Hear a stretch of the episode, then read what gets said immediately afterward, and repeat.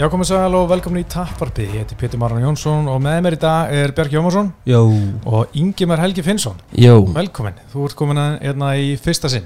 Já, líður vel, en samt hérna, ég verið í mörgum podcastum uh, sem snýst, snúast á fótbolta en ég hef aldrei verið jafn stressaður Já, ok, ertu stressaður? Já. Já, það er bara fínt. Já, einhvern veginn, bara svona að koma og sjá ykkur hérna og svona tala um íþrótt sem að ég kannski byrjaði að fylgjast með kannski frá 2015, cirka 14 Já, og já, verið all in síðan 2015-16 já. þannig að ég, ég get komið óundabúin í alla fótbolta þetta en einhvern veginn hérna líður mér svona smá litlum Þú ert búin að lesa núna vel. Takk Já, svona aðeins, aðeins Já, þú varst náttúrulega líka að horfa síðustu helgi. Hérna, held að, svona, síðustu helgi er svona karta sem ekki margin en að vaka. Nei, En þessi vaka, þeir eru all in. Já, Já. Ég, ég vakti og, og ég er ólinn, það Já. er alveg klárt Það er, það klárt mál. Ja, þetta er uh, þáttur nummer 117 og Bjarki, US 117. Hvað heldur það að hafa verið í gangið? Það var í, Chelsea Sonin Anderson Silva damn vel gert. Það var ágúst 2010. Þetta var svo klikkakart. Mhm. Þetta var hann og þegar, þetta er fyrri bardaginn Andersson Silva og Kjellsson þegar hann kláraði með triangle hann í fymtulótu. Mhm. 2010 sko, þetta var eitt sturglasti bardagi sem ég sé. Þetta er eitt klikkaðast það bara ever sko ég er svo ánær á bara hverjum degi því hugsa um þetta þú vil ánær í þetta í beinni Mhm. það hefði ekki verið sama hefði verið, þú veist, þetta daginn eftir eitthvað þú veist uh, á sunnudegi, þú veist, maður hefði heyrt eitthvað Mhm. svona smá eitthvað, en það er svo gaman að í beinni ég man ég var á á Já. þetta og alveg, þú veist, það var bílu stemning, það Já. ógæsla margir bara, þú veist, þetta var örugglega fyrsta sinn sem ég upplöði svona svona marga og svona góða stefning á Bjarnafell ég, ég voru þetta bara, þú veist, klukka fimm á nóttinni einhver svona tíu gæjar allir bara drekka vatn þú veist, og Pepsi, þú veist, ekkert eitthvað stemning, bara svona hardcore því að þú veist, var, annars þú veist, fætpass var ekki komið hana, þetta var svona var bara frekar erfitt að horfa á auðvitað í beinni sko, Mhm. en ef maður ætlar að stríma eitthvað í krabbi í gæðum sko, en þú veist, þarna varstu bara committar bara mæta Bjarnafél og ég, þú veist, var búin að vera eitthvað partí og undan mætti þarna og svona smá í því og þú veist, þegar Andersson klára þetta við bara hafa bara brjálu mm Mhm. fagnaðalæti, það var klikka Já, sko eins og Diego í kemsliðinu hann sagði Fæt sem ég síni fólki sem hefur aldrei hort á MMA Þetta er fætin Einmitt, sko. það er nákvæmlega er bara, þú veist, hann er lamin í fimm Mhm. lótur Anderson Silva og bara hendur upp triangle lógin Einmitt, sko. Á þessum tíma var maður bara svona, "Ah, ok Það er, þú veist, sama hvað gerir við hann Mhm. hann finnur alltaf leið Já, hann mun alltaf vinna þig. Og þú veist, allt trastóki fyrir þess að Mhm. Kjálssonum var með og var að, að þú veist, að hérna standa við stóra orðin aldrei Mhm. svo vant. En svo bara, þú veist, hvað einu hálf mínúti eftir eða eitthvað tapat, Hvað ára er þetta? 2010 Já, Fæ- fætin sem ég sýni fólki, ég er kannski aðeins nýrið en þig í þessu er Rory, Robbie Lawler. Já, Gunni geta því karti Já, já einmitt, einmitt, var ekki 189 Já, það er annarkvort það eða svo laumast í stundum í Isi, hérna, Gastelum Já, Já, það er já. uppáhaldsvætum minn bara síðustu árum Já, hann var það er þessi tveir svona Mm. sem ég showcasea. En þetta var svolítið skemmtilegt kart sko, ég man eftir að John Fitz var hann í No Man's Land í velduðutinni, hann var að vinna alla sem héti ekki GSP og hann vann hann að tíu galvers kvöldi sko.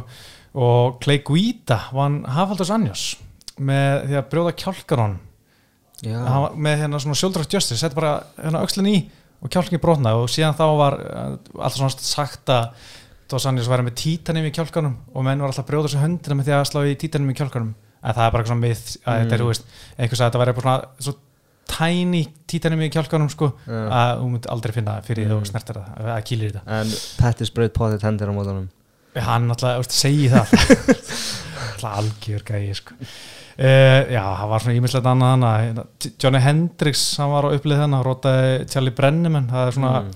Eitt af þessum rótöku sem var alltaf sínt í highlightinu hjá Johnny Hendricks. En gaman að þessu, en hérna við erum auðvitað að taka upp hérna hjá Baklandi stúdíuna þar í uh, bestu aðstæður og hérna talandi um uh, glímu sem tekist Baklandi mikið, það var uh, hvað, fyrsta 19. februar á kollopmótið Mhm, það var heldur gaman. Mhm, klika Já, flotta glímu bara á hérna Kristján Helgi, þinn maður. Mhm. hann tók þetta með Diesel Squeezel. Diesel Squeezel hvaðan kemur þetta, þú ert oft, ert oft mann að tala um þetta Diesel Squeezel hengigatak, Mhm. hvað, hvað er þetta? Þetta er bara svona Ég, ég vil ekki segja það sko. Þetta er, þetta er leindó sko. Kristján fann að eðilega þetta sko. Já, Nei, þarna þetta er svona semi-guillotine nema að þú breytir því aðeins sko. og það er mjög erfitt að sleppa úr því og veist ekki hvað þetta er sko. En síðan þú byrjar svona smá að læra á þetta þá fyrir svolítið að vera aðeins auðvitað að henda sér úr þessu sko. Já, en hann við erum mikið að vinna með þetta sko. Já, Tóti sko, ég er ekki búin að vera að glíma mikið en ég tók hann aðingu í síðustu viku. Hann notar það Tóti var að gera þetta við mig. Og þetta tók smá tíma en ég, þú veist, hann var að kreista eitthvað, ég náði að sleppa út á lokin. En sko það er sex dagar síðan og ég er ennþá með hálsbólgu. Já. ég er búin að vera bara svona eins og ég sem viðbjóður, með hálsbólgu alveg síðan þá sko. Mhm. þetta er alveg fárvælt en hérna, skemmtilegt, þú er ekkert verið að glíma? Uh, Bara fullur í sumbústa já, Já. Já, þá, þá, þegar komið svona, hvað, svona tíu bjóra í blóðið þá förum við að glíma strákunir já, menn tala um að menn, maður sé oftast bestur þá sko. Já, ég hérna tók Sigga Sig, hann, ég veit hann hlustar. Eh, hann er 120 kíló. Þannig ég var mjög, mjög stoltur af því. Já, já, vel gert. Já. ég voru að segja hlust Já. það er mikið hlustan á selfhósi, þú varst á selfhósi Já, ég Já. er sjálfur sig, já, já Við hafa verið nokkrir, svo, nokkrir sko úr alveg harkjarnar sem voru að horfa bara á þetta Vaffa S hérna í gamla dag sko. Já, ok. Þannig að það er alveg góð sena hana Já. Fámenn en góð. Já, Nice. Já, En strákar, það er annar mars og hérna ég byrti í, í dag uh, listaði við tíu áhugaðurustu barða mánarins og ég var að renni verið og þetta er alveg sturlaða mánuður, mánuður. þetta eru sko náttúrulega tvö pay-per-view sem svona keir þetta svolítið upp. En þetta er ekki, úst, pay-per-view eins og síðasta hérna 2-5-8 með Úsmann og Börns, þetta er tvö risastór kvöld sko. Og þú veist, ég bara náttúrulega get ekki beður, við erum talað um fimm titilbarða. Við veit að þrjá um helgina, svo tvo auðvitað 160, fyrir náttúrulega betur yfir helgina eftir. En á auðvitað 260 eru að tala um bæði Stípe Mjótsits og svo Volkanovski og hérna Brennur Stega. En svo voru tveir barðar sem veist, fullt af frábæra barðar sem komast ekki eins og listan sko, eins og Derek Bronson og Kevin Holland það er meini vendið yngt í síri mars, það bara komast ekki listan, ekki sens og hérna Tyron Woodley, vísandi lúki komast ekki top 10 þetta er, veist, það er svona, svona barðar sem bara komast ekki í listan. Joseph Benavides, Askar Askarov komast ekki í listan. Uh, hérna fullt af bara ógeðislega góðan barnum. Og hérna ég geti ekki bara byggð eftir, að, eftir helginni sko, þetta er svona alvöru risa helgi já maður er búin að horfa á þetta þessa dagsendingu svolítið lengi sko. Þannig að það er loksins að koma að þessu heldur betur sko. Og hérna áðurum fyrir samt í karti þá er komið að einu lið sem er í miklu uppáhaldi veit ég, hjá Búm. þér. Já, ég hérna var spenntur og, og stressaður fyrir að fá að taka þátt í henni. Já, þetta er auðvitað trillan í bóði Búmóldra Light og hérna það sem ég muni trilla á okkur spurningum og þeir þurfa að svara mjög hratt, já eða nei eða, eða kostur að gallar whatever og hérna svara bara eitur og bingo, því með bara ráða hvort byrjar því vera að svara bara, bara já og nei bara í kvelli og síðan fyrir við þetta uh, sko með sér, en þetta er allt spurningar frá Halldóri sko, þetta er ekki frá mér þannig að Ok. þá við að þetta eru góða spurningar sko. Já. Herri, fyrsta spurning Jan Blakowicz er erfiðari bardagi fyrir Adesanya heldur en John Jones. Nei, ok. Ben Askren versus Jake Paul selur fleiri en 500.000 pay-per-view. Já, já, 2021 verður síðasta árið með Joe Rogan sem lýsanda. Nei. Nei. Dominic Cruz á þrjá eða fleiri barda eftir á UFC-ferlum já. Ah, nei. Nei, ok. Svo er síðast Hamza tíma slæst tvisa sunnum á þessu ári. Nei. Já, Já, ok, byrjum á uh, Blackwoods uh, og hérna þið haldið að John Jones sé erfæri bardaður fyrir Adesanya heldur en Blackwoods já, já, ég held að líka. Ég held að það sé bara hann er held ég bara með powerið sko sem hann þarf að óttast. Blackwoods já. Já, og þú veist, John Jones er með miklu meira sem Mhm. hann þarf að hafa ágjur af og ég held að það sé aðeins öldara fyrir Adesanya að reyna að fórast eitthvað power heldur en allt dótið hans John Jones sko. Mm, mm, Og líka lengdin á John Jones er, er, er eitthvað sem að þarf líka að velta fyrir sér. Já. já, það er vissin Já, þannig ég held að, ég held að það myndi Þú veist, það er risafaktor. Já, já. Herri Ben Askren og Jake Paul boxbardaginn sem verður Björki, hvernig er, er hann? Sí- Logan sérfræðingur okkar. Nei, ég er ekkert búin að tjekka á hann að Logan fyrir þetta. Hann að eða Jake Paul. Já. ég veit ekki hann er. Er þetta ekki apríl eða? Já, alltaf ekki hannig, þetta, þú veist, ég veit ekki hvað svona selur en þú veist, það fylgta einhverjum youtubers að missa sig, sko Það er alltaf fyrir eftir hvað það kostar sko. Mm. Veist, ef það kostar bara 10 dólara þá er þetta já. bara, þú veist, eitthvað Já, Mhm. Af því að ég er bara ekki vann með þetta þessa YouTube-kynslu sko. Nei, nákvæmlega. Ég er endar mikil heitir á hann Hvað heitir hann, Jake eða Logan? Jake, held Já. ég Sko, þetta Ég- er Logan Paul sem er að fara á móti Já, Nei, nei, ég veit ekki Ég byrja- Nei, þetta er. Jake Paul, Já. þetta er Jake Já, Paul. Já, Jake Paul, er þetta já. bræður? Oh my god, Já. ég veit þetta Já, ég er ekki, ekki fan af þessum görum og Nei, ekki. eiginlega svona vissi eiginlega ekki hverju þetta voru áður en að, þú veist, hann fór að drulli yfir hérna Conor og allt þetta dótt Já, já. svona, hafði svona lúmska hugmyndum hver, svona í kollunum hver þetta var Mhm. og þú veist, Ben Askren í ykkurum boxparta, þetta er einhvern veginn ég er ekki verið að kaupa þetta, ég get nei, lofaði nei. eitthvað því. Nei. Sko, þeir gætu ekki að hafa fundið verri bóksara til þess að keppa við í MMA, sko. Nei, en, Nei, Hann er bara eiðilegja já, Já, einmitt, ég þú veist, þetta er ekki góður hérna sendiherra fyrir MMA nei, þú Nei. veist. Uh, en hins vegar held ég að þú veist, karakter sem Ben Askren er og stærðin sem hann hefur og þú veist, mm. hann er alveg vinsæll hannig Já, þannig að þetta var svolítið vel gert. Þetta er gott matchup fyrir Jake eða Logan Paul ég man ekki hvað, já, það var. Jake, mm Jake Paul. Já, Jake Paul.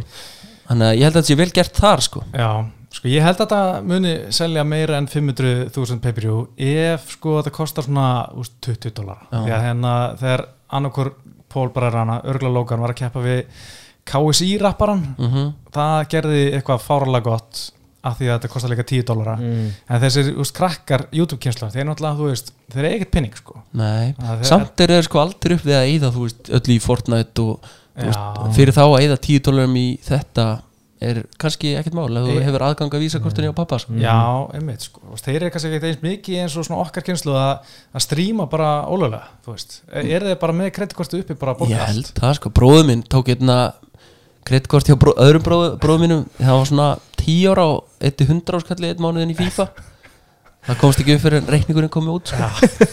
þannig að hérna, já, þeir eru segjar með höldum sko. Já, já, það er vel gert sko.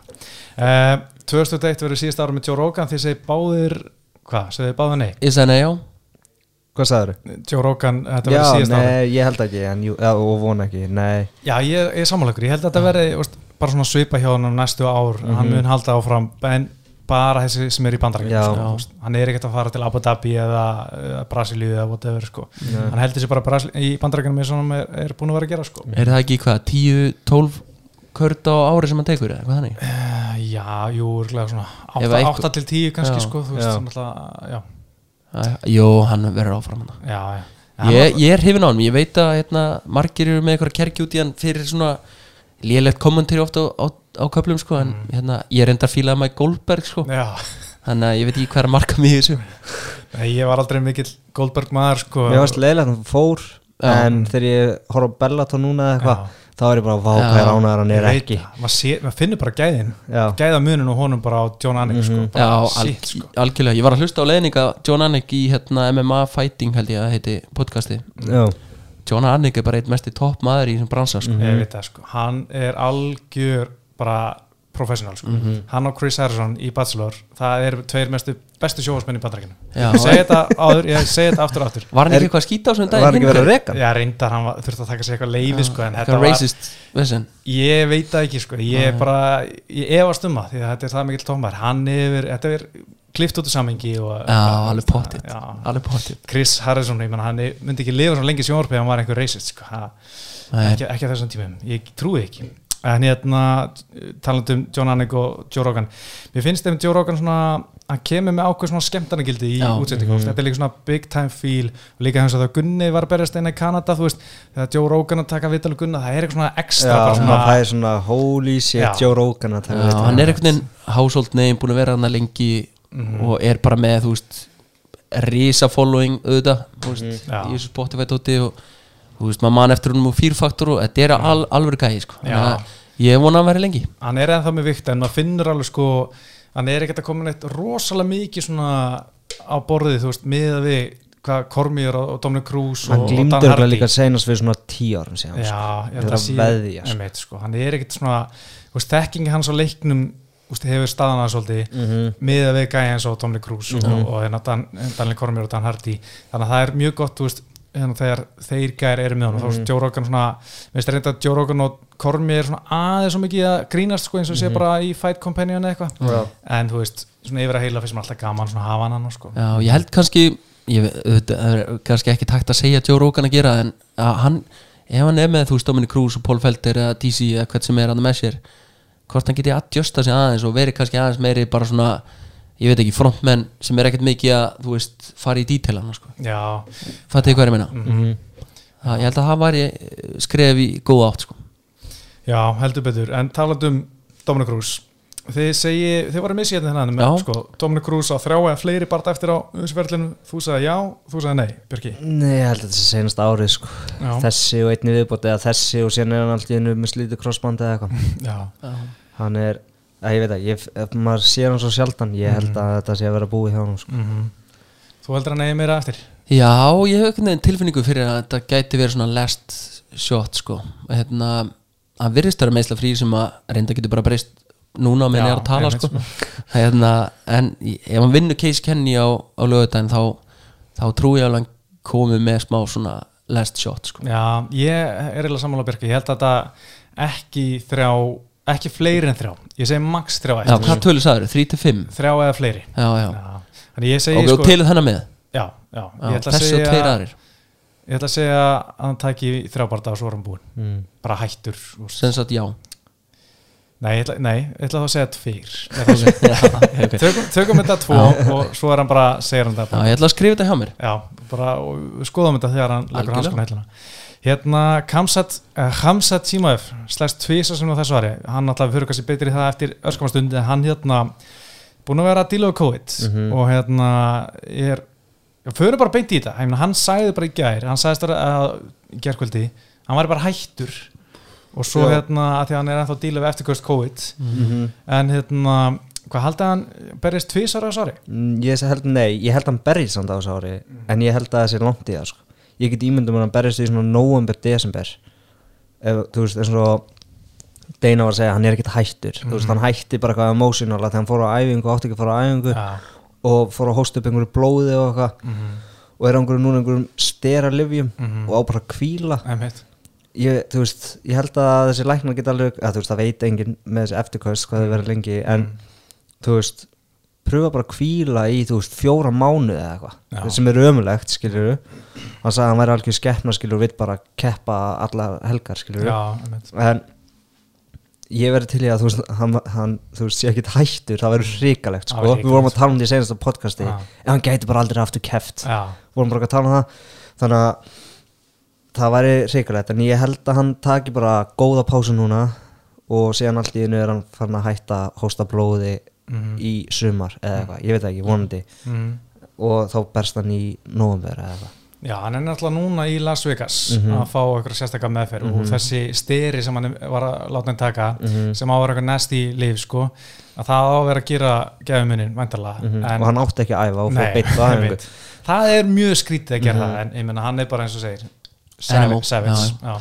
Ég reyndar, hérna þegar ég hlust að Bjarka svona útskýri þetta, þá held ég að hann berist á þessu ári en ekki tvo, það er, Já. það er ómikið Já, ég, ég held að sé með þetta. Já, og líka, þú veist, hann er ekki hættur hérna, Tjetjenin hérna Rasman Kadirov, Kadirov, já. Hann var búinn að blanda sér í þetta Já. og þú segir ekkert nei við hann Nei, hérna ef hann er farin að segja að þú ert ekki hættur þá ertu ekki hættur. Nei, ég held að sé er þetta eitthvað að mótmála því sem hann segir sko. hann er náttúrulega einræðsherra í tjettinu ég er búin að vera slátur einhverju fólki þar og hérna engin stand-up guy sko, alls ekki. Nei. en hann sagði þetta samt. Já, hann sagði bara hérna, ég náði að sannfara hann um að hann var ekki hættur. Já. þannig að ég held að þetta hafi ekkert verið svona spurning ertu hættur, það er bara, herðu þú ert ekki hættur, þú veist það er bara tjetts tjettsnenska þjóðin er bara bakinn þar og þú heldur áfram. Og ég held bara þú veist, þó að hann hafi eitthvað vilja að segja annað en, en, og vilja alveg halda áfram, held ég að svona Katarúf hafi eitthvað stappað í hans stálun en, en ég svo deina að segja, þú veist, sagði hann á bara að vera að kvíla og það er bara aðeins að chilla og hérna vonandi bara næra sér uh, aftur sko. já, ég, ég, ég, ég líka ímynda mér, þú veist, hann hefur hóstað þessu blóðið hann í, hvað var þetta, í vaskur eða klósett? Já, vaskinn bara held já, og svo tekur hann mynda þessu og er bara í örgli uppnámi og postar þessu og er bara hættur bara allt í í ykkur dramakasti ég held að hann sé bara núna á því að hann vera áfram Já, við höfum allir verið hana sko. það, veist, maður er eitthvað þú veist, með flensu og bara, þú veist, ég er bara hættur sko. Ég er ekki fara veist, aftur að æfa skilur, ég mun aldrei vera þú veist, ná mér að þessu. Maður er búin að flensu í tvo daga skilur, maður heldur að þetta vera endalust að þú ert svo, svo ótrúlega emotional ef þú ferð, þú veist með flensuna þinn á postar á Instagram bara ég myndaðir, rosa texta ég hættur bara. Ég veit, það, er svolítið svona stórt sko. Mhm, þetta er stórt þegar- með yfir miljón fylgjandur sko. Já, já, þetta er fyrirlegt að, þú veist, með alla sponsora og bara negla þessu út, sko, þetta er alveg skrítið. Einmitt sko. Herði, hérna önnu frétt sem vakti mikla aðtekla dögunum, það er okkar allra besti, Pálo Costa. Já. hann alltaf skeita á saman datisina, tapa þar.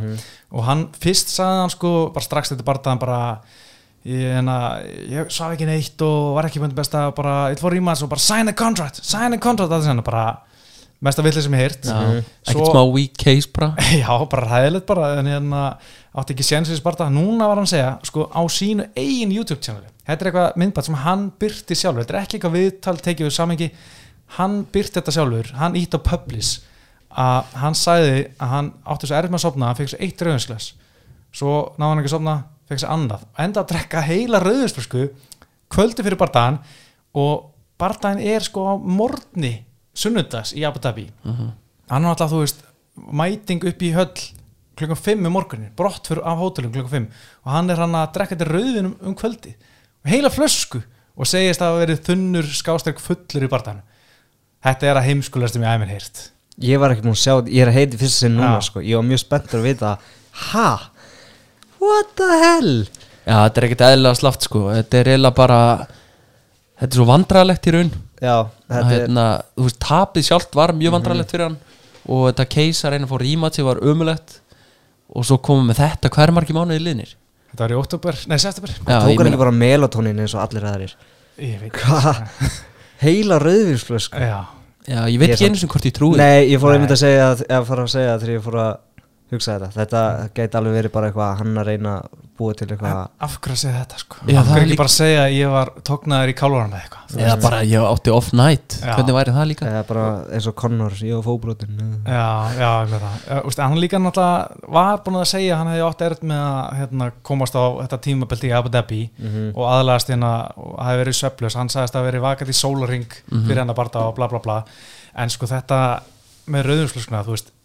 ef þetta er satt, þá er þetta bara heimskulegasta sem getur nokkuð tíma gert. Eitt rauðumsglas er alveg það er alveg mikið eða þú veist að berja sko um morgunin að að gera þetta, drekka eitt rauðumsglas á kvöldi það er bara svona, að ég myndi nú ekki vera að gera þetta fóður eitt rauðumsglas og hvað þá heila flösku og hann er nýbúin að fara í gegnum risa kött Mhm. Hann hefur orðið sko, hann hefur byrjað að finna svo mikið á sér eftir tvö rauðvinsflösku sko. Ef hann fór að gera þetta sko þetta er, og líka þú veist ok, ef hann gerir þetta af hverju að segja þetta, af hverju heldur þessi bara Akkurat. fyrir því? þetta er, að- þetta er svo heimskulegt allt við þetta Ég veit ekki líka bara, þú veist Hvað varst að hugsa þá þú varst að hella þér í glas nummer 2 Þú veist, ég skil glas 1 sko. Veist, það er eitt glas en veist, ég hef aldrei kötta Ég veit ekkert hvað áhrif þetta hefur á þig.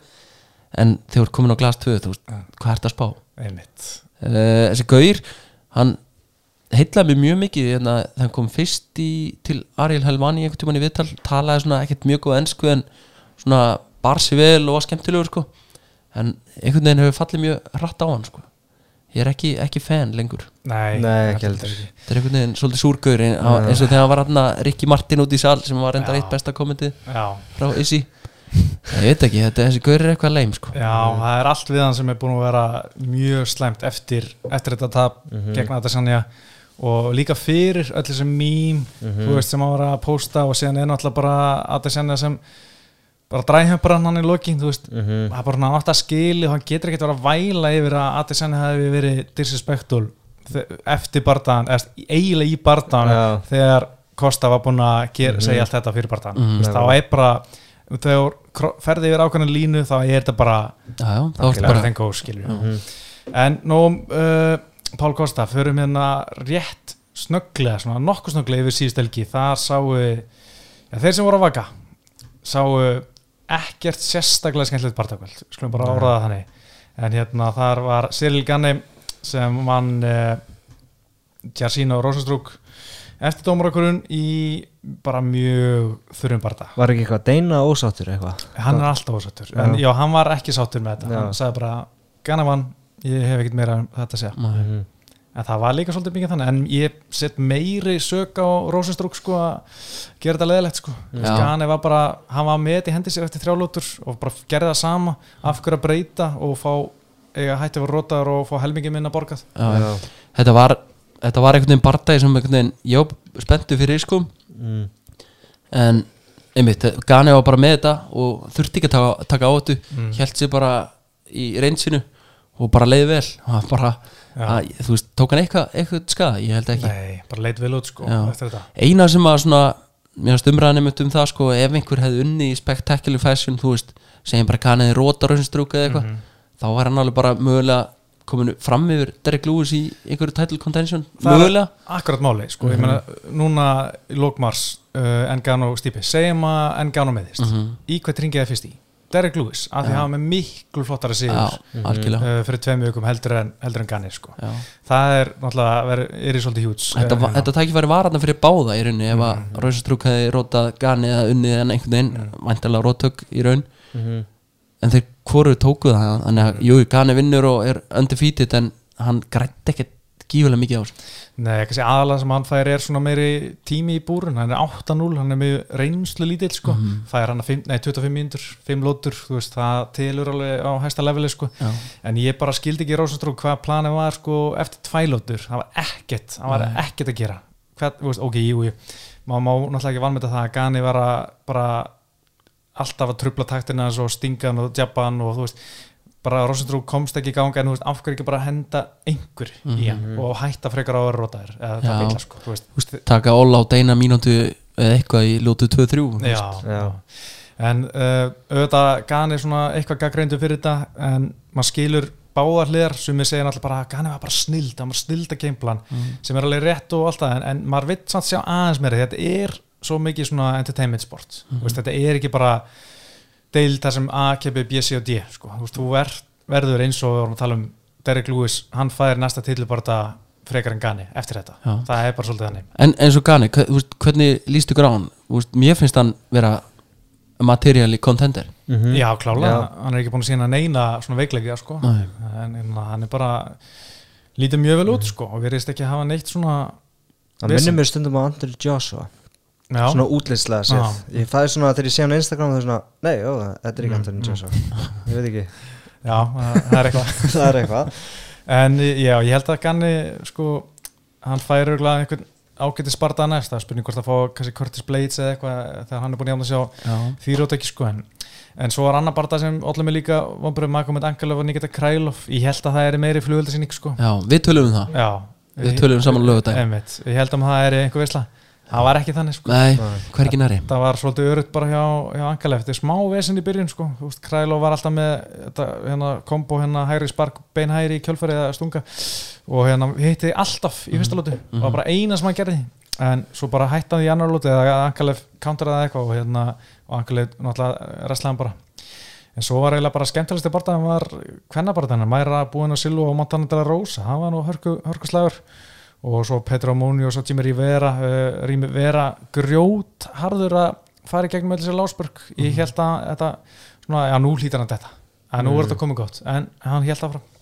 Já, vel gert hjá hann finnst það reyndar skemmtilegt bardaginn já, já, það það var skemmtilega bara það sko. og svo, eða veist Tiago Moises og Alexander Hernandez, það var góða bara líka Já. og ég var mjög impressed af Tiago Moises. Ég held að Alexander Hernandez voru svona búin að snúa við blaðan eitthvað, það er komin eitthvað svona hraðari uppleið sko. Já, en Moises bara var bara mjög flottur. En uh, já, svo sem ekki margt sem ég ætla að segja um þetta kvöld. Þannig að við dembum okkur bara í aðalmálið sem er þetta UFC 249 og þar er sko bara fyrsta spurning. Svona fyrir hvað titil bara það er spenntasti fyrir? Mm, Ég ég- Issi hjá mér sko Það, já, eiginlega. Líka að þetta er light heavyweight sko. Mér langar að sjá með tvö belti sko. Mm, En ég er samt ógeðslega spenntur fyrir Petri Jan Já, já. ámati Allsefn Störling það er eiginlega heila með mest sko. Mhm. Vist, ekki það hérna, ég sé ekki lítið spennt fyrir hinnu en það er svona mér finnst það svo mikið 50-50 ég er svona alveg á báðum áttum hvort að fara að taka þetta sko. Mhm. ég er mjög óvist þar sko. En byrjum á uh, Jan Blackwood svo í sí Ísraela Adesanya sko. Náttúrulega Ísraela Adesanya er að fara upp um, er ríkjandi milliðamestari mun halda beltunum og getur orðið tvöldamestari hvað haldið með stærðamunin á þeim? Núna sá ég að Adesanya var að segja að hann verður örgulega bara eitthvað kringum Bara svipa á alltaf. Já, 193 pund sem eru 87,5 kíló. Mhm. á meðan Paulus Power, Jan Blackwood hann hefur sagt áður, hann sé í kringum 215 pund sem er 97,5 kíló Mm. að það er alveg 10 kíló munur. Já Veistla sko Já, ég meina, verður þetta vissin? Ég, ég, stund, ég er svo Ég veit það ekki Ég hef stundum svona Þegar ég er að horfa á einhver svona previews þá er ég alltaf farin að sjá stundum svona nei, svona þú veist And- Adesanya liggur í gólfinu sko mm. og maður er eitthvað svona "Ah, djöfullin en ég er samt ég trúi ekki sko. Nei, ég held að stærðin mun ekki skipta það miklu máli. Nei. Þetta er algjört bóli múf hjá hann að fara hann upp. Mm. og líka á móti þessum gæja þú veist, Mhm. líka í, í minni óttakona ekki í hérna, Apexinu. Hversu miklu máli skipti það, ég er ekki það fighter. skipti fyrir hann sko. Já, einmitt, ég hefði haldið það að Adesanya hefði þurft meira pláss. Mm þannig að það eh, vinnur á móti Adesanya. Já, hann vil fá bara fótbolta á öll sko bara helst ekkert búr sko. Já, Akkurat, þannig að hérna, mér finnst það svona að vera faktor og, og ég, mikill leysi maður bara frá fyrsta degi, fyrsta mm. bardaðanum hans hérna í UFC á móti, hverjum, hverjum var aftur? Wilkinson, hérna. já Robert Wilkinson, Já, já. einhver ástrali hérna. Já, bara einhver gefur fætt hannig Já. hérna ég er búin að bara fíla hann frá fyrsta degi og líka bara post hérna, mats intervjúi. Mm já, þá einhvern veginn kom, sá maður strax að þetta var alvör gæi sko. Mm. hann var ekki bara hæfileikar ykkur, hann var bara stjar, bónafætt stjarnar sko. já hann, hann var svona með þetta bara Já, hann var ekki að segja eitthvað þú veist, there's a new dog in the yard og eitthvað, Já, var eitthvað að gelta og eitthvað þetta var, var þykast pissa í já, bílnum. já, Já. einmitt og maður, maður hérna tók eftir því og þá fór maður svona, herri, þetta er gæi sko. mm, mm. sko. þannig að ég sem issi maður ekki það að ég hafa neitt á móti Jan þá er ég smá hrættu við hann að parta ég verði ekki mm, hann er náttúrulega sko Addison er ekkert stór í millitin hann er langur og, og grannur Já, er hann ekki í rauninni, búst, öndursæst milli vikta maður, þannig séð ég held að það sé bara í fitnessstæður hann, bara, hann er ekki Þú veist, rammin já, sko, Já. hann er náttúrulega ekki eh, náttúrulega þykkur en hann er langur og Mhm. hérna, en þú veist hann er ekkert eins og Pála Costa og Romero sem að bara býður eftir að hann fara upp, þú veist, ef Mhm. maður er eitthvað hættur um að hann klikki á viktinu neitt þannig, hann er bara svona bara er solid í millivitt með síðan löngu hendur sko, Mhm. en þannig að maður er svona pínur hættur um Paulus Power móti, móti skinny uh, Izzy sko mm en hérna náttúrulega Jan Blackwitz þetta sko hans svona perils endur koma er einhver bara besta sem maður hefur séð í bara sögu MMA svona síðustu tíu árum bara uh, fyrir utan kannski Robbie Lawler veist, hann var Já. bara algjör Pulsa. svona, já, veist, hann það var bara, bara fjórir fjögur töpi fyrsta sex barðanum sinum svo allt inni bara átta sigrar af síðustu nýju maður gæti aldrei ímynda sér eitthvað titil á þessum gæða eitt daginn sko.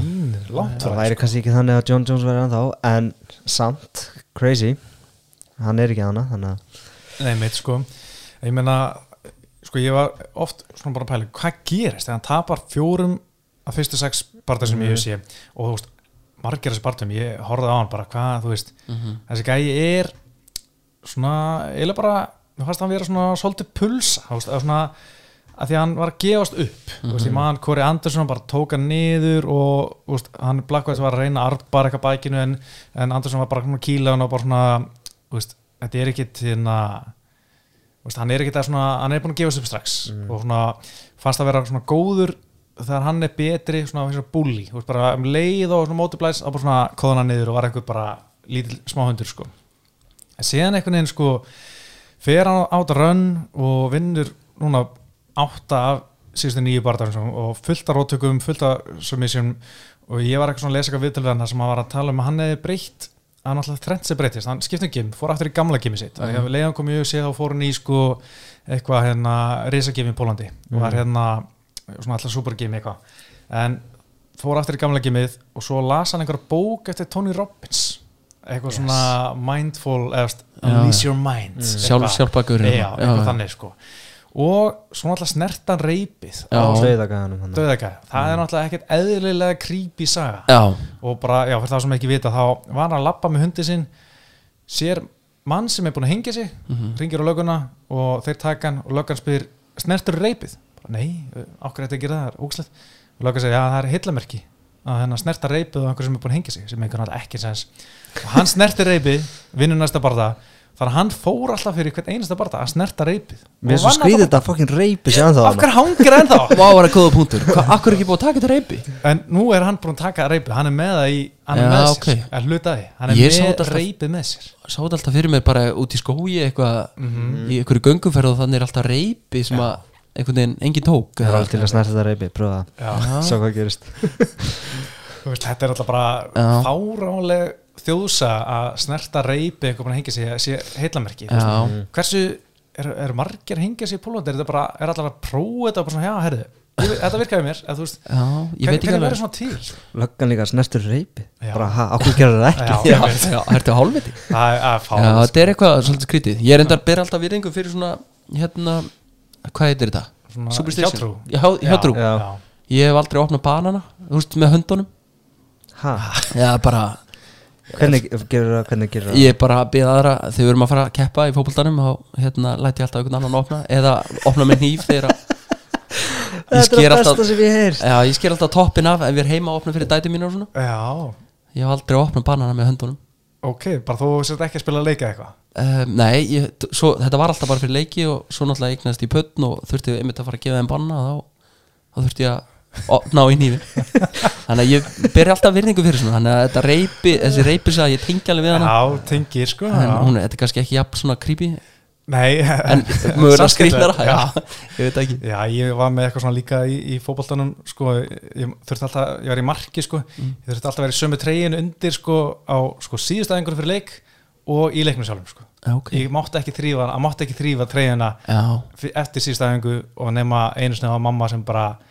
getur ekki verið þessi treyju, ég bara, jú, ég verði að vera í henni sko og ég fekk það fram sko en, en það var, voru allir að spyrja hvaða líkt þetta væri hérna, en hérna ég verði þetta Bara 100% og þú veist, það var alltaf eitthvað svona sokkanir það var þessi sokkar skilur þú veist. Þetta er eitthvað svona bara, maður heldur að þetta, þú veist, maður vil þetta trúa maður ekkert á þetta mm. en okkur að taka sensin Já, einmitt, það er þetta það, hefur virkað sko. og ég einhvern veginn líka fyrst þegar ég var að byrja á þessu sko, ég, þú veist, þegar ég var að borða banna eiginlega fyrst bara þegar alltaf þegar ég var að byrja einhvern veginn um að opna þá var alltaf bara, akkur gera það bara ekki sjálfur það var alltaf svo skrítið að þurfa að útskýra þetta hvernig, hvernig byrjaði þetta?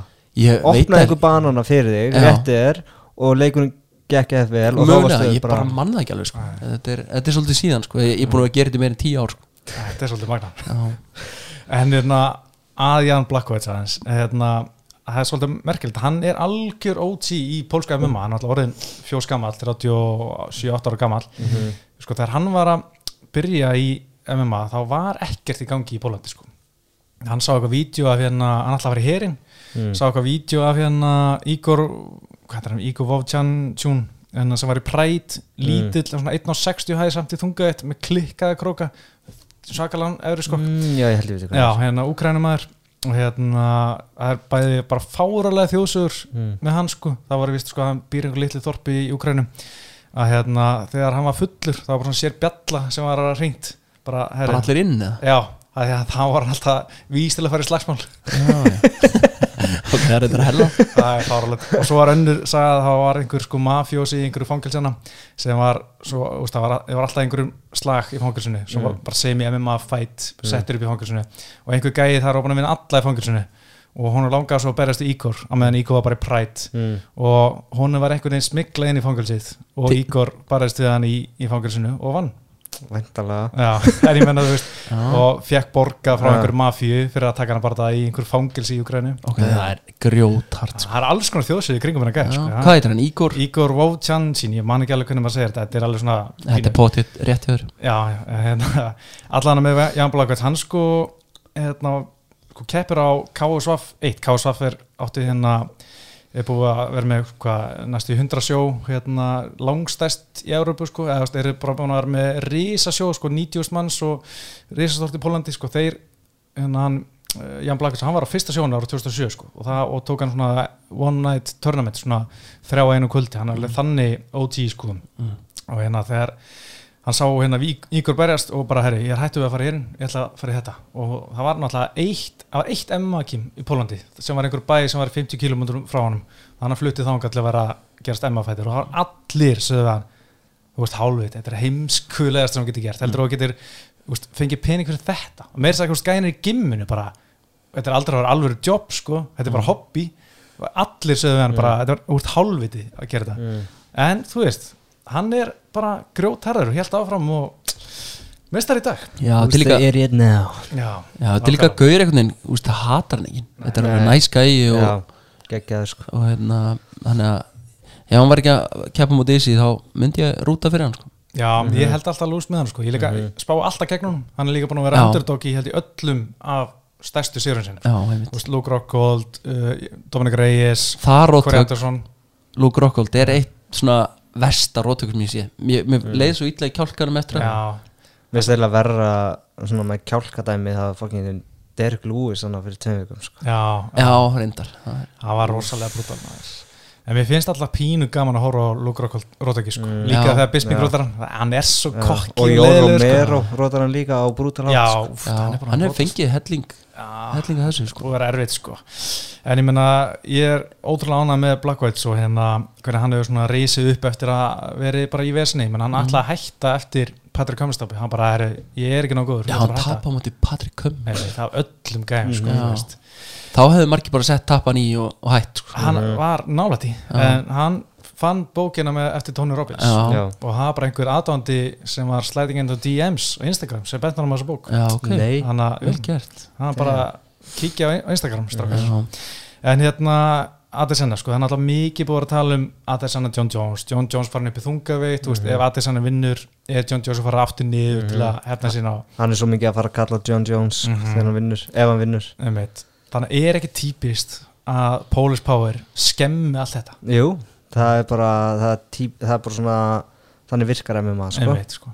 En þú veist, hvernig call-out verður þetta? Þú veist, allar, allar að hittast í light heavy og isja heldan upp í heavy? Hann segist alltaf að koma upp. Já, þú þarf ekki að koma niður, ég skal koma Mm. upp. Já, ok. Ég er hefi, eitthvað svona mm eitthvað þannig joke. Það er alveg típist Jones samt að vera eitthvað svona, herri ég ætla að fara aftur niður í léttangu til að taka easy, sko Mhm. Ég myndi reynda að vilja sjá það Já, Já. ég bara, ég er ekki svo spenntið fyrir þessu, ég held að þetta verði leðileg partæði, sko, John Jones og Já, ekki það að John Jones fætar undanfærin 2-3 ár hafa ekkert verið eitthvað frábæri sko. Nei, heldur betur ekki, sko ég með langar bara að best sjá seinast á myndi Gustafsson nummer 2 Já, já, Já. heldur betur sko Ég með langar bara að sjá Jones í þungaðett sko Ég Já. nenni þessu ekki læt hefur dæmi Þetta er, búið að. En hérna, sko, framistæðan hjá Adesanya gegn Costa var eins og besta sem ég sé bara. Þú veist, hann bara gjörsalega pakka hann saman og Costa sko eins mikið og kjaftur hans var fyrir bara þann, hann var eins og sko svona púðluhundur við liðan á einhverju rottalhundi sko. þetta var svo, sko líka að ég var að horfa á þetta aftur og ég er bara að gleyma en sko Kosta var svo mikið, stælum fyrst sko. Já, Þú veist, hendur bak við bak Ég horfði þetta í gær. Já, einmitt hendur fyrir aftan bak. Já, Adesanya sparkaði í lappina á honum og Kosta bara svona, gera meira, gera meira veist, hann var að drepast í löppinni í annar lóti, hann átti ekki breyk í Lásbergin hann var líka þunnur.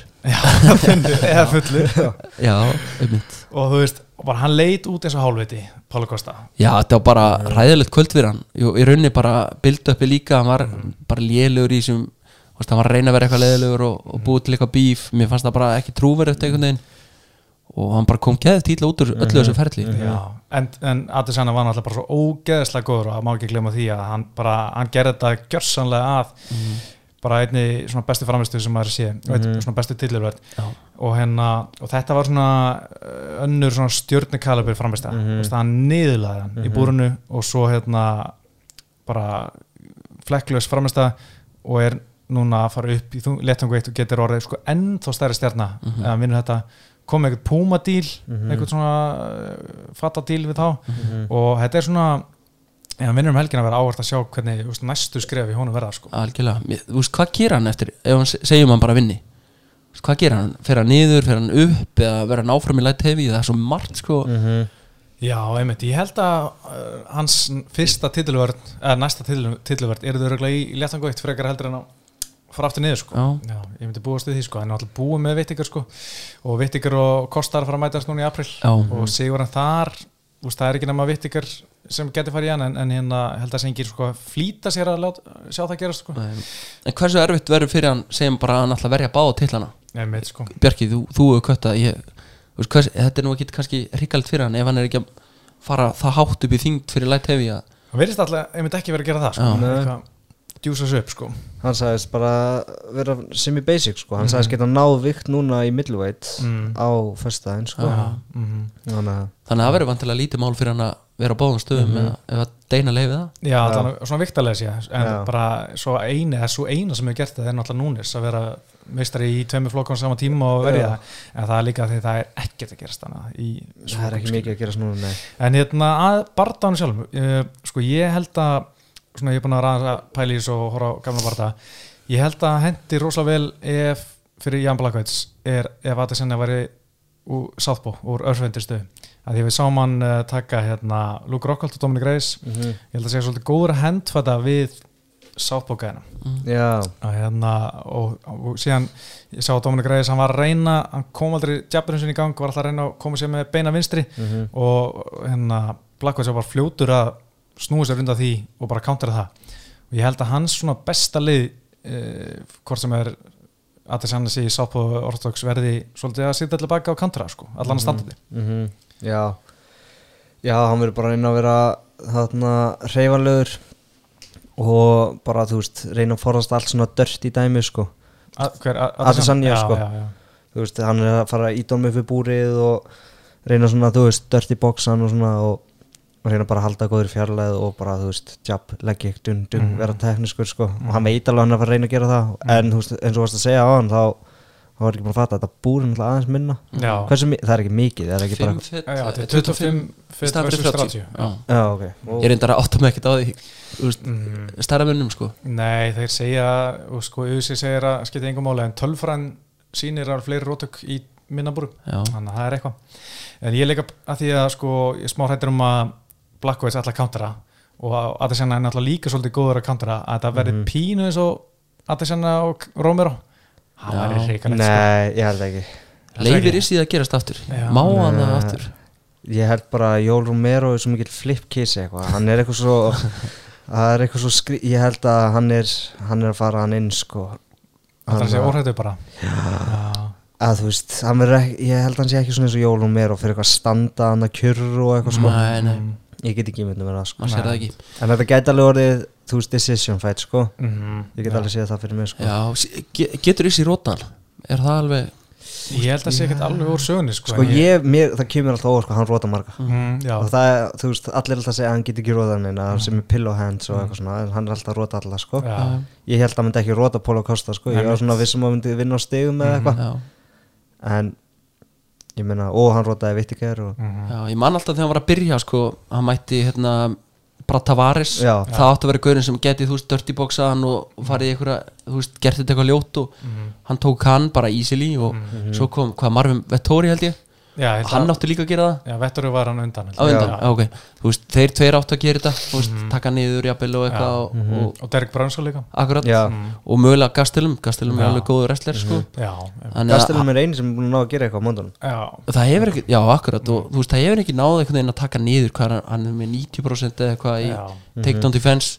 Og það var allir reynd sko. Já, það er bara með gastelum og svo náðu Vettur í einu sinni. Já, en gerði ekki neitt en með fór hann það, ekki bara aftur upp? Já. hann bara var upp búrið og bara Vettur í lá á honum á Mhm. þess að kýla einu sinni eða eitthvað en sko það sem ég, maður pælir líka svolítið hvort að þetta verði hérna það sem Blackwoods ætlar að gera að hann er stærri, hann er sterkari hann er djöfull högtungur Mm. að hann ætla bara svona að klinsa við hann gera það dört í resla við hann og hvort að hann verði gæðin sem muni loksis ná að gera eitthvað við hann í gólunum Mhm. maður er ekki séð eitthvað það mikið wrestling frá honum en hann er svarpelt í YouTube, hann kann þetta alveg já, og 10 kilónum þingri já, Mhm. þannig að Já, einmitt en ég held líka smá að eins og hann gerir við Luke Rockhold að hérna, að hann verður svona klinsa við hann og síðan þegar það er exit úr klinsunni þá komi hægri krókur, Mhm. vinstri krókur búm, Mhm.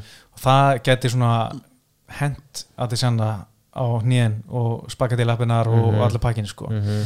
að mér það svona ég séla, mér það svona líklasta leiðin fyrir fyrir Blackwoods Mhm. Já, ég get alveg sé hann lenda þessu höggi, sko svona svolítið svona eins og stýpi Daniel Cormier 1 Já, já, já, Já. Það geti, það er alveg það verður hrikalegt sko. Hann hefur líka alveg rótast og hann fór á svona smá hann vankaði staðins á móti honum Gastelum Mhm.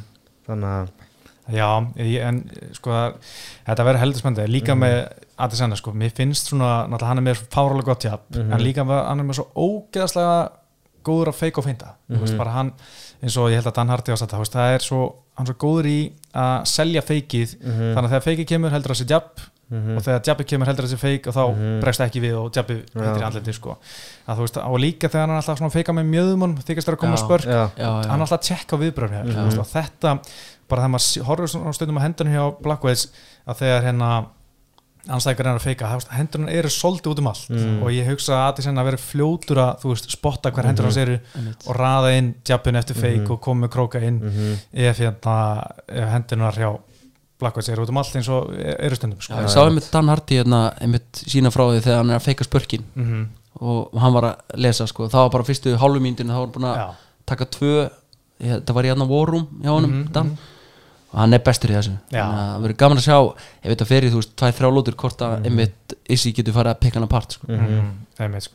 þetta verður helviti, helviti spenn, spennandi mér finnst sko Blackwoods hann hefur fullt að leiðum til að vinna Úst, hann geti geti verið hans að countera stærri og sterkari og resla exit á klinsunu og meittan en svona overall í það heila, he, heila finnst mér bara að þetta sinna að vera betri fætir Já, mér líka þannig ég held að hérna að þetta sinna að taka þetta eftir dómarokkunum mm. Ég hugsaði líka en ég ætla að vera, ég ætla að gera þetta svona eitthvað skemmtilegt Ég ætla að Ég er búin að segja það svo oft eitthvað Ég held að hann vinni með decision sko. Mhm. Þannig að Ég ætla að hugsa bara svona Ú, ok Ég hann held þetta verði TKO í fyrstu lótu já, að þetta sinna Já, og maður er bara svona ok, fokk hann er góður. Já, já, Bara er eitthvað einmitt- farlegt Já, ég er búin að hallast að decision Issi, en ég vera, sé þá ekki fyrir mér verið 25 minnur mm. eftir, sko, þannig að ég ætla að og þriðju. Mm. þannig að við erum allir, þetta er mjög vítt reynd sjá okkur. Já, Já, mér langar, mér langar svolítið að segja Blackwoods rótök í annari eitthvað, eða fyrstu, Já, fyrstu. að verði eitthvað svona bara sjokk þú veist, Mhm. þú veist að því að að- hann er alltaf vannmitinn, hann er alltaf underdog og alltaf kemur hann og, og rótar að segja gæja og þú veist, að þessi hann er þetta ógeðslega góður og maður svona finnst hann vera betri en þetta verði eitthvað svona hérna, kormiðar dæmi bara eitthvað svona eitt, búp, rótar hann svona hamarsök í gólun, Já. og hann er bara alveg nokt að fokka át bara starðamunin, Já. meiri en hann bjóst við þú veist, Já. hann er þingri og þú veist, með, meira bara polish power en hann bjóst við og hérna, og það verður bara búið hjá þetta sann og þú veist, og líka það er allt undir eins og voru að tala um John Jones eða þú veist stór barða í léttungut eftir þetta nýkomi Puma dílin, Já. stjarnan svo bara kýft aftur niður Já, já. oh, þá var það bara aftur í Já. Milliveit, sko. og bara búið hitt vantilega Já. Ég sé þetta alveg fyrir mér, ég sé alveg Issi ég er búin að visualize að hérna, Issi bara liggja alveg kaldur bara. Já. já, ég líka sko. þannig að þetta getur farið þetta, það er það sem gerir hann að fætt og þú vorst að spyrja á hann þú veist, hvað, fyrir hver ertu mest pentastur þú veist ég var ekkert mest pentastur ef þetta væri bara Issi á móti einhverjum í millivikt Mm. þetta er einhvern veginn svo stórt já, sko. já, þetta er risa skref Já, það er meir Þannig að- undir. Já, meir undir og bara þú veist, það er svo margar spurningar. Mhm, þannig að fyrir mér er þetta mest spennandi, mm. og getur fara allavega en ég ætla að halda mig við tíki og þriðu. Já. en hérna ein spurning. Hvað gerist ef Blackwoods vinnur? hvað far hann? bara glóti sér og bara halda fram með léttuguttin eitthvað. pottet sko. Er, það ekki, er, er það ekki bara nóg fyrir hann? Já, hann verður bara Já. með beltið bara feskur og taka þess að hverja hann já allir það ekki. Já, já. já, ég er allan að ógeðslega spenntið fyrir þessum barða og hérna, þetta verður algjör, algjör visla og hérna, við erum búin að eiga góðum tíma í þessum barða ég veit hvað kemur fyrir hann. Já, Jan, hann hérna, verður favorit í næsta fætt já. Á móti glóti sér, ég, Já, það er ég kaupi það alveg. Já. Herri, það var að næstu barða, það er Petri Ján og Aldimur Störling og eins og ég sagði á hann, þá finnst mér þetta að vera mest 50-50 barðan, sko. ég er alveg bara, ég veit ekkert. Er það ekki að fara niður kartið? Þú veist, Ég- meinu vend Er Já, það ekki Amanda? veist, Amanda er næst en Já. ég er bara meira spenntur fyrir Petri Ján og, Ok, og. Störling og þú stjórnar hér og ætla bara ég að en hérna ég er sko ánægðar að þetta sé bara staðfest og komið og Mhm. þetta er núna um helgina þegar hérna, ég var mjög hrættur um að Aldimur Sterling bara myndi ekkert fána tilliparta ég menn hann vann hérna hvora sandækan í júni, Mhm. svo er Petri Ján hann vinnur hérna Húsi Aldó í júli og þetta var ekkert bóka fyrir bara Marlon Moraes var bara að tapa fyrir hvori sandækin Mhm. þá allt er þetta bókað og bara svona, það er eins og þeir hafi ekki viljað Störling í tilliparta Heldur þú það? Þú veist, hverju voru að býða svona mikið með það? Já, góð Ég spurning held að það eru að býða eftir Moraes sko. Ég held að vildi fá Marlon Moraes og Petri Ján sko. Nei Því að því mér þarna var Moraes bara Já. uh, þau hlutabrið hafa hrunið Já, Já. heldur betur sko. Heldur þú virkilega það? Var þetta ekki löngu ákveðið þegar þetta tournament var næstu þannig að þetta var hann semi-tournament þegar voru allir að berjast hann að, hvað heitir hann aftur afróstrákurinn búin að glemma hvað hann heitir Sjón, O'Malley mm. og hann hann að Cheeto rótaði eitthvað gæða Já, til Vænald já, Já, og Cody vann og allt sem er Störling söppaði þetta var bara klikkað banda við kvöld. Já, já, já, já. og þá var þetta eiginlega bara svona komið. Já, sko, mér fannst þann sko að því að uh, á þessum, sko, áður en Moraes skeita á sig, þá Mhm. var hann fyrir Sandækarbarða, þá var síðasti barða hans Sigur á móti Hósi Aldó mm. þannig að ef hann hefði hunnið Sandækin þá finnst mér eins og ég sé verið bara inn með Moraes, þá var hann Mhm. með tvo sigri röð þannig að ég, ég var hrættur um að Störling væri ekki fara að fá titilbartana mm. af því hann var líka svona spurja, auðvitað, hver er töfin og Mm. það var ekki að heyrast neitt frá þeim sko. En hann er komið með þetta og, hennar, og þetta er að fara að gerast um helgina og ég er bara ótrúlega ánað með það fyrir hans því að mér finnst hann oft svona hann er svona, hann er hérna hvað sem var, uh, misti í sín hann er hrasað, hann byrjaði kom inn í USA, hann var að tala um hann sem hérna svona framtíðarstjörnu eitthvað uh, kom inn ósigrar held ég og hérna, já, hann John Jones of uh. Bantamweight Já, hann kom inn 8-0 og Mhm. hérna, menn held hann er einhver kontender, svo tapar hann hana fyrir Brian Caraway, tapar fyrir Asansjá og hann svona pínu glemist Mhm. en vinnur tvobarta röð, er síðan steinrótar á móti Marlon Moraes Já, shit og þá held maður svona, ok, hann er svona toppurinn er svona komin í honum Mhm. en síðan þá, fimm sigri röð og á þetta fyllilega skili Já, Mhm. algjörlega. Þetta er líka svona þetta er, Mér finnst hann síðustu árið mitt hafa fengið svona aðeins meira credibility í mann sko þegar hann var að vinna einhverja gauðra með eitthvað svona stikka move og gerðist ekkert mikið. En einhvern veginn núna eins og þegar hann hengdi Kori þá var maður alveg ok, þetta er real deal gauður sko. þannig að ég er mjánar að hann sé að fá Mhm. þennan fætt Þetta er bara svo geggjaður tíndaflokkur Það er svo mikið. Mm -hmm. Mér er svo mikið að hann að fæturum sem getur verið að keppa upp á titluna og eitthvað. Þannig að ég er mjög spenntur sko. Ég hef samt Þetta er erfiður fæt að veðja á sko. Mm Mhm. 1.90, 1.90 mm. Já, ok. Stuðlar. Þetta er bara sko. 50-50 Já. Já, þetta er einmitt svolítið einmitt áhugaverið stílar. Maður er að sjá hérna, Petur Ján veist, hann er pínu náttúrulega búin að vera að berja gamla kalla núna Mhm. hann vann hósi Aldag í sumar sem hefur aldrei barndað í bandvætt og hérna fekk hennar titilbarta sko á gölnum fórsendum já, í bara rauninni. silfurfatti sko, hann var alveg mjög skrítið Mhm. og þar áður vinnar hann Júra Feiber í einhverju drauma endur komið í honum sko, Já, já. og bara alveg réttilega bara, mér leiði bara Það ítla var það að klikkuð framist það Þó Já. hafi verið gammal lífræði feiber sko. en sko En það var, ég var bara á wow Mhm. Þessi gauður er góður samt sko. En mér þar áður vinnur hann Tímur Rivera, John Dodson og svo einhverjir uh, gæjar sem maður þekkir ekkert mikið, er, er ekki í top 15 sko. Nei, nei, nei þannig að hann hefur kannski ekki fengið svona ekkert eitthvað svona rosalega mikið test ég meina það sem hann hefur ekki mætt í USA er þessi klassíski bandaríski wrestler Mhm. sem bara getur tekið niður og, Mhm. og haldið þér það sko svona svolítið eins og Faber var Mhm. þannig að það er svona ennþá pínu spurningamarki hvernig hann heldur sér Nákvæmlega pluma sig í gólunu sko. en aftur á móti bardanas í ACB á móti hennar Magomedov sem voru sko tveir, fimm lótubardar sem voru báðir í hérna mjög spennandi og hérna svona háklassa bardar um titilin þar veist, hann, það er fyrsta tapans ein, eina tapansi er hérna spittir síðan þar og svo vinnur hann ára setna sko að það var alveg svona, hann var þurfti aðeins að taka hann stóra sínu þar Mm. með fellurinn sko og síndi góða tilbyrði en hérna og Magomedov er trullu góða líka sko hann er, ég held að hann sé bara líka með eitt tap sko Mm. að hérna, hann er komin í Bellator svo. en allan að hérna, maður er mjög spenntur að sjá hvernig stílanum munu Mhm. svona eh, mætast, ég menna því að maður sér að bara Aldjó, hann er með mjög svona funky Mhm. standandi, b- Já. byrja bara að sparka endalus með Mhm. framspörk og bara Já. svona bomba sköflunum, er ekki að setja þetta upp með höndunum, bara neglir sköflunum Mhm. eitthvert sko og ég menna það er alveg vesina að díla við það, en hérna maður sér líka bara að Petri hann er með svo, hann er svo þéttur sko, Já. þétta vörd og bara pressar endalast áfram Mhm. Já, Já, ég held að allt sem mín ætlar að reyna Restlan sko Mhm. Taka niður og okkar, mér heyrist það líka að hann verið svolítið að segja það í viðtali að hann ætlar svolítið svona kabíban þannig að það verður interesting að sjá hvort hann ná að gera það sko. Já, hann sagði ég munur ekki ná hann endilega kannski fyrsta teiktunni en þegar ég næði hann niður þá er það bara búið. Mm, þannig að ég er mjög spenntur. Það verður náttúrulega áhverði hann er náttúrulega mjög góð wrestler og hérna var að eins og Daniel Kormi var að segja hann var að glíma við eitt besta svona college wrestlerinn um daginn, einhver svona matchi. Mm. og hann tapar bara einhverju einu stíi sko. Þú veist, hann er mjög high level wrestler sko í dag. Og er hann ekki líka blackbelt undir Matsera? Jú, gott ef ekki sko. Held það sko. Já, hann er allan mjög góður í gólunu og hérna og er, fer oft í þetta low single eitthvað svona, fer svona skítur, geða alltaf til burtu Mhm. grípur í fótinn og Já. séðan bara byrjun að vinna það hann sko. já, fáralega góður, hann bara nær svona svolítið eins og Khabib Mhm. bara nær bara smá þur, bara lill það er svolítið magnað að fylgjast með og hérna og ég er einmitt mjög spenntur að sjá hvort að hann muni Petri Jan muni geta stoppað þetta eða hvort hann verður bara eins og Tortimandir sem bara heldur áfram að berja þér sko. mér veist geggja að hafa eitt svona rúsa hérna, sem meistara.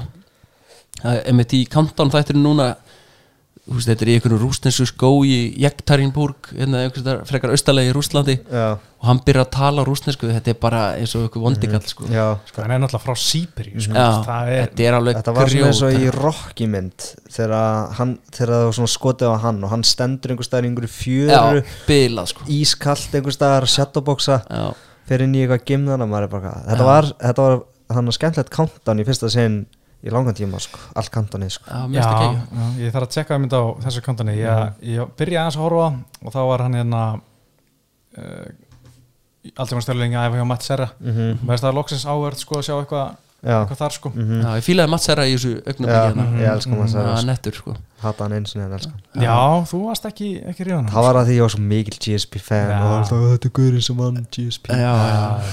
Ég er hérna talandi um countdown bara því að, að því ég er einna og mér finnst countdown alltaf svo geggjaðir sko. Mhm. ég, Samt er ég alltaf með eitthvað svona fyrirvara áttu því að þeir seldu mér einhvern tímann á OSP getu unni John Jones og ég var bara orðin því lít peppaður sko.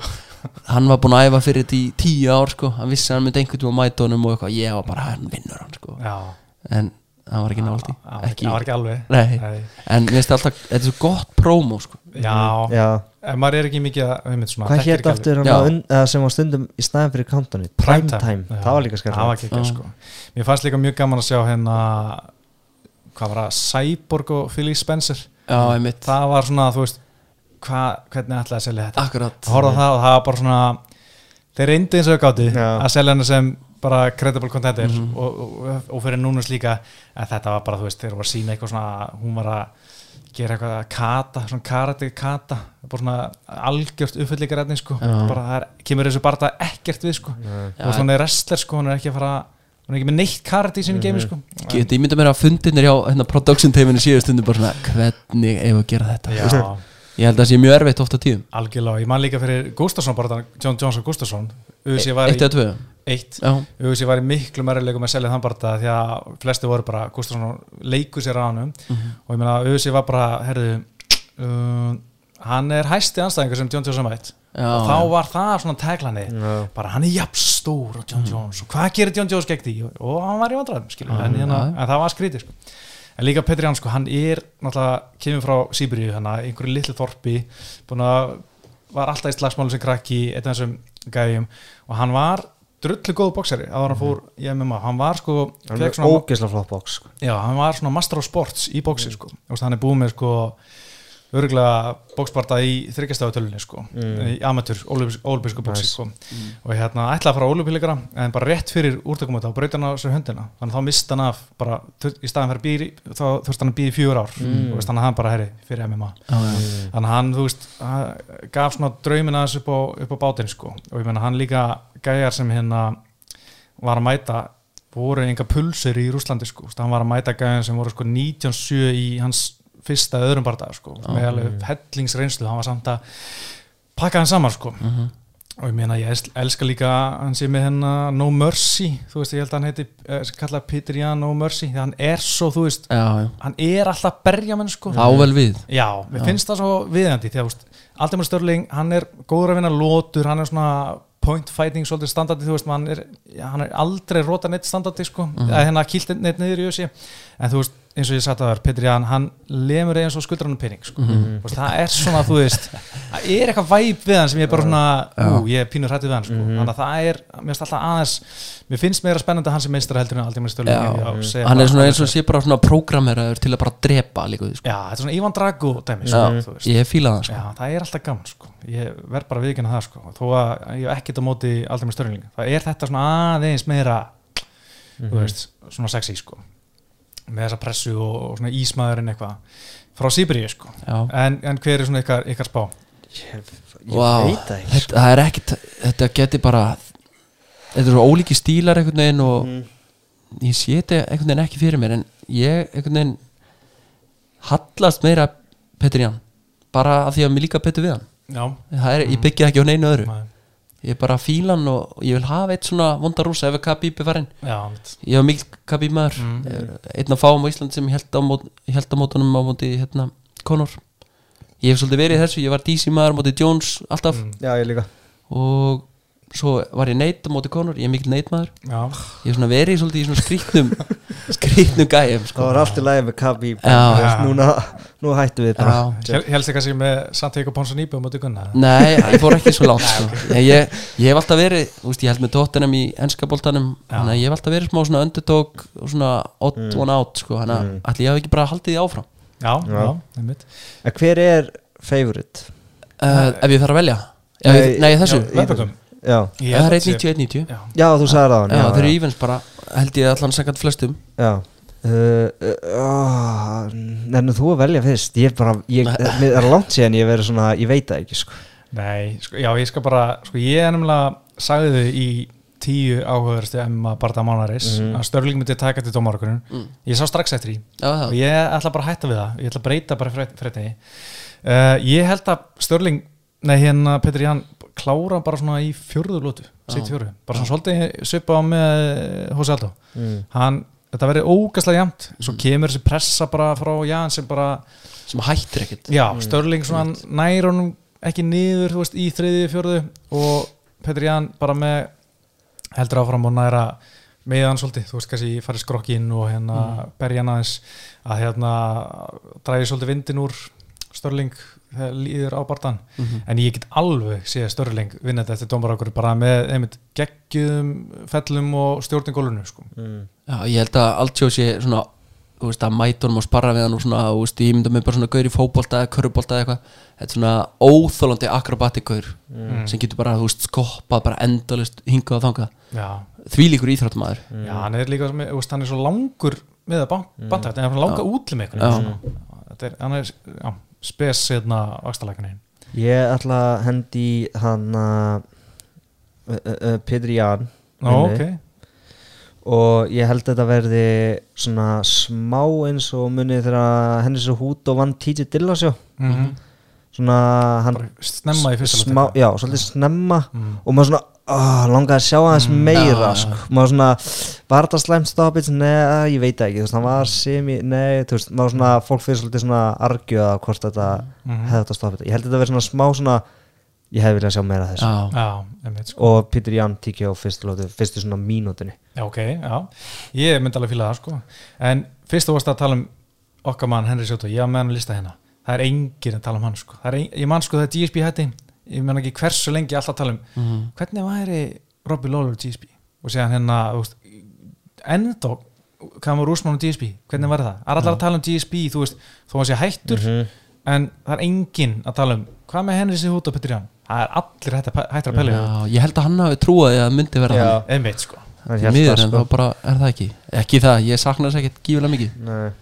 hérna, ég er sant ég held að hann koma aftur sko. já, ég held það líka Já, ætla hann hafi sko eins og hann heldur að hann fengi bara önnu tækifæri og og kæmur Já. öllum áttum eitthvað Já. svona dót sko, en hann er bara að fara að koma aftur núna 21 já, Já, potið, sko. já. og hann er potið að fara að tvíta eitthvað eftir hann að barða sko. hann gerir það alltaf sko, hann, hann skiptir ekki mála þó að sé léttangut, hann tvítar um það eitthvað farlegt sko, Já. hérna, það er bara eins og það er. Það er hefði smá óþálandi guður já, hann er það sko, en ég sko held að Halldór eða Óskar hafi sagt hérna í þetta að ég held að, að hann, hann benti á að það væri kannski bara planað, að það er fullt af ungum og hungruðum áskorundum hana. Mm. bara taka skref frá, leiða þeim að selja þetta, svo kem ég eitt svona stóran já. fyrir það, gegn þeim, þann, hérna, þeim sem er bestur mm. leiða svo hans að selja, spila út, sjá hvað gerist teki hérna stóran barða það var ekkert galið. Nei, er ekki galin kenning. Myndum ekki að senn sko. En, En- er ekki, þú veist, líka Sjóto, hann vann auðvitað til að sjóna þegar hann var búin að kötta í bara í drasl sko og svo kom í ljós kannski að Marlon Moraes var ekki þessi gaur sem við heldum að hann væri. Já kannski er hann ekki þetta er það sem ég sagði. Já, all that sko. Mhm. ég sagði þetta bara, Já. nákvæmlega þetta. Mögulega bara, er hann að hætta bara að því hann veit að hann, mögulega, ég, þetta er bara þetta er önnukenning að því að Marlon Marais barðaðin var bara ég var bara sjekk ár góður Mm. síðan er bara allir að rota hann. Þannig ég var svona, hmm, Já. I don't know. Það er nefnilega svolítið hann sko.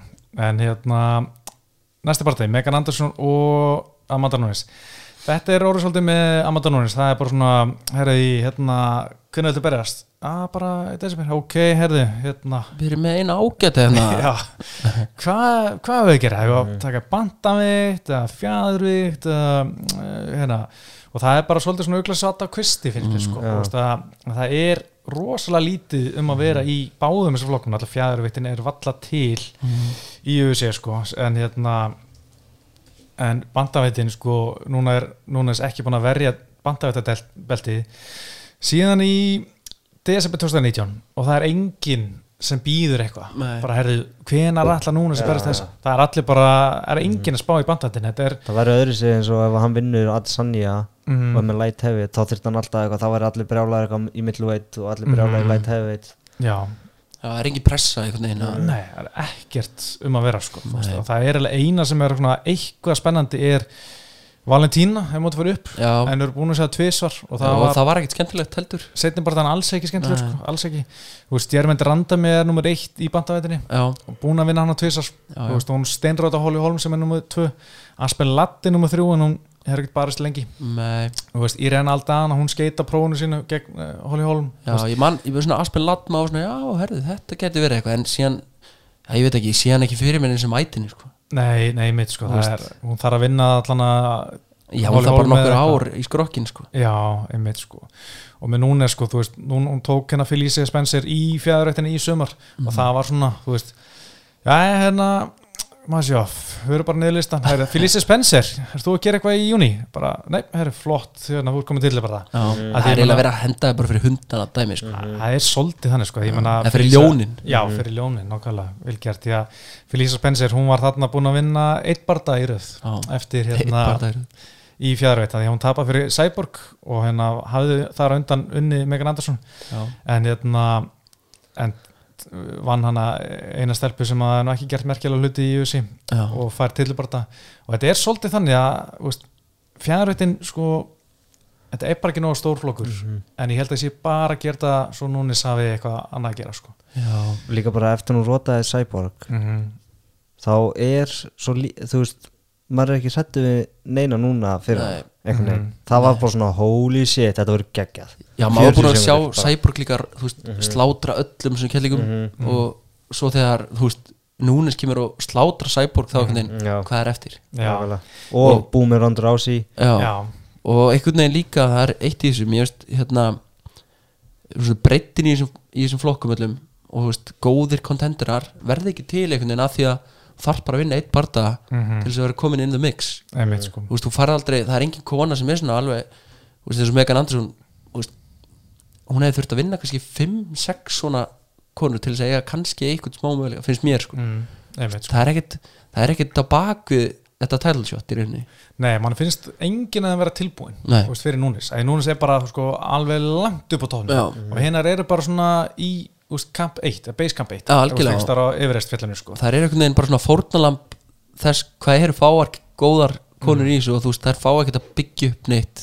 Nei, veist, það er ekkert að baka þetta einhvern veginn. Einmitt sko, það vantar svolítið sko, ég meina, svo sér maður hérna konuna sem er í, hafa verið að berjast í bandæðin það er hún hérna Sara Farm frá Fraklandi, hún er 6-4 núna sko, já, þú veist, þetta er ekki nema 10 bardar og hún er, og tveirað með UFC og töp gegn Megan Anderson og Felicia Spencer. Já, svo er hérna Norma uh, Dumont frá Brasli hún tapar fyrir Megan Anderson svo er hann bara að fá aftur nýri bandætt Mhm. og leit vel út gegn Ashley Amos Smith í bandætt, var ekki það?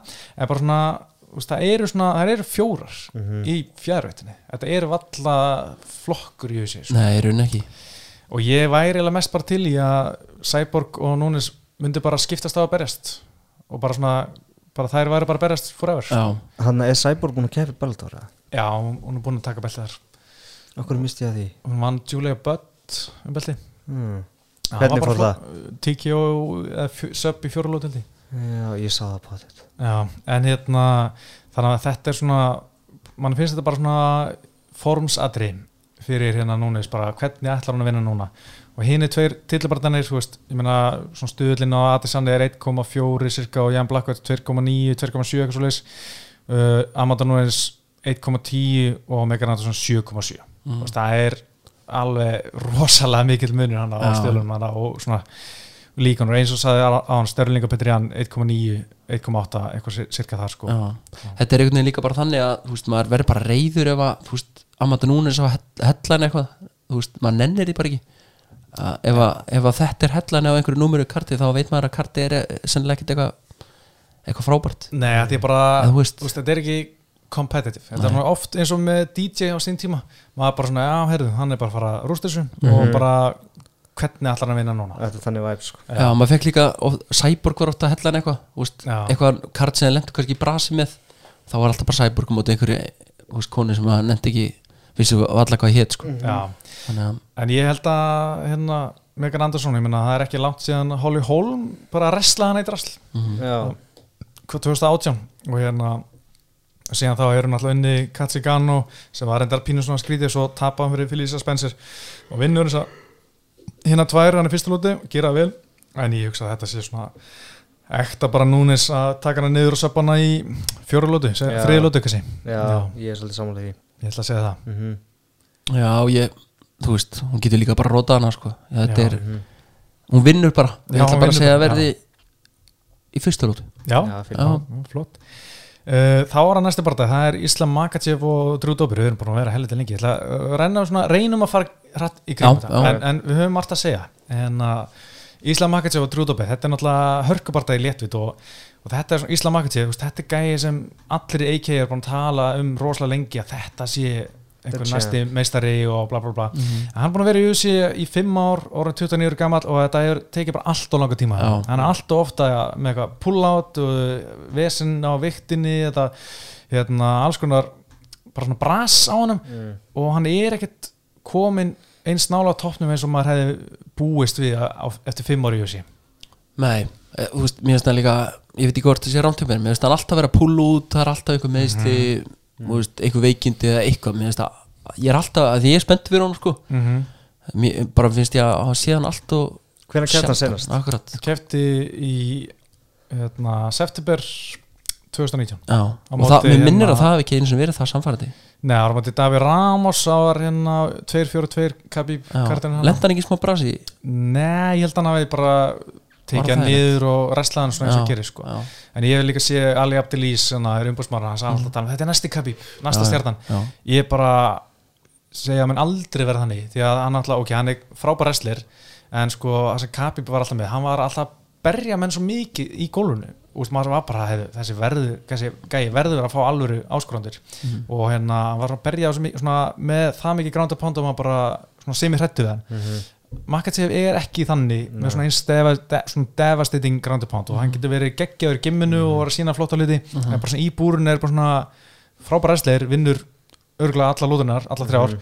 en einhvern veginn svona að vera að berja svona eins og Khabib gerði veist, eh, mér finnst þetta ekki að vera sama sko. Nei. og þó hann sé frábær wrestler og allt það og líka sko Khabib hann tala fljótt ennsku sem var mjög bjöguð en hann var alltaf svona sjarmir að sjá hann I smashed your guy þú veist, eitthvað hérna, Russia five, Viltu bara fá 20 milljónir. nákvæmlega Khabib Nei, ég bara að segja þú veist að hérna, Makachev, hann talar ekki staktor ennsku, nei, það kemur vital og hann, hann talar á rúsnensku og kemur eitthvað þýðandi og segir eitthvað það sem hann vill. Og þú veist, það er ekkert sami Nei, sem maður næri að tengja. Ég veit ekkert hvað mann hann hefur að geima maður getur ekkert verið svona eitthvað haldið hann síðan einhver merkileg típa þegar maður skilur ekki orðað sem maður segir og hann talar ekki ensku og ég veit ekki hvað hann talar ekki ensku því hann er alltaf með Khabib í bandrækjunum einmitt. talar ensku af því að frá því að hann fór til AK hennar til bandrækjuna sín tíma hverju er Íslam ekki komið í afgóða ensku hann? Já, er, þetta getur verið svona eins og serbandi í fótboltanum sem ég hef verið með, þeir eru alltaf þrýr alltaf eitt sem kann ekki ensku. Mm. hinn er bara túlkalt og kannski bara íslam í því sko. já, það getur verið það reynir aldrei á það, bara, Nei, hann er bara eitthvað annað, já, þetta er fínt bara svona. Já, en ég, þú veist ég ber alveg smá væntinga til hans. Mm. en að því að DC, Khabib og allir þessi gaurir að tala svo mikið upp Mhm. en ég þarf að sjá meira og bara oftar. Já, nákvæmlega oftar. Það ég get ekki keift hlutabrif í honum alveg strax sko. einmitt sko. Heldur betur, en Drew Dober er geggjargæði sko, ég hérna var ekki seldur og hann var einhver alveg gæði ég held að væri bara svona einna miljón ógæslega góðum gæði með léttutt sem var ekkert að fara eitthvað langt. En hann er búin að koma svolítið óvart og hérna búin að vinna sexa síðustu sjö barðum sínum.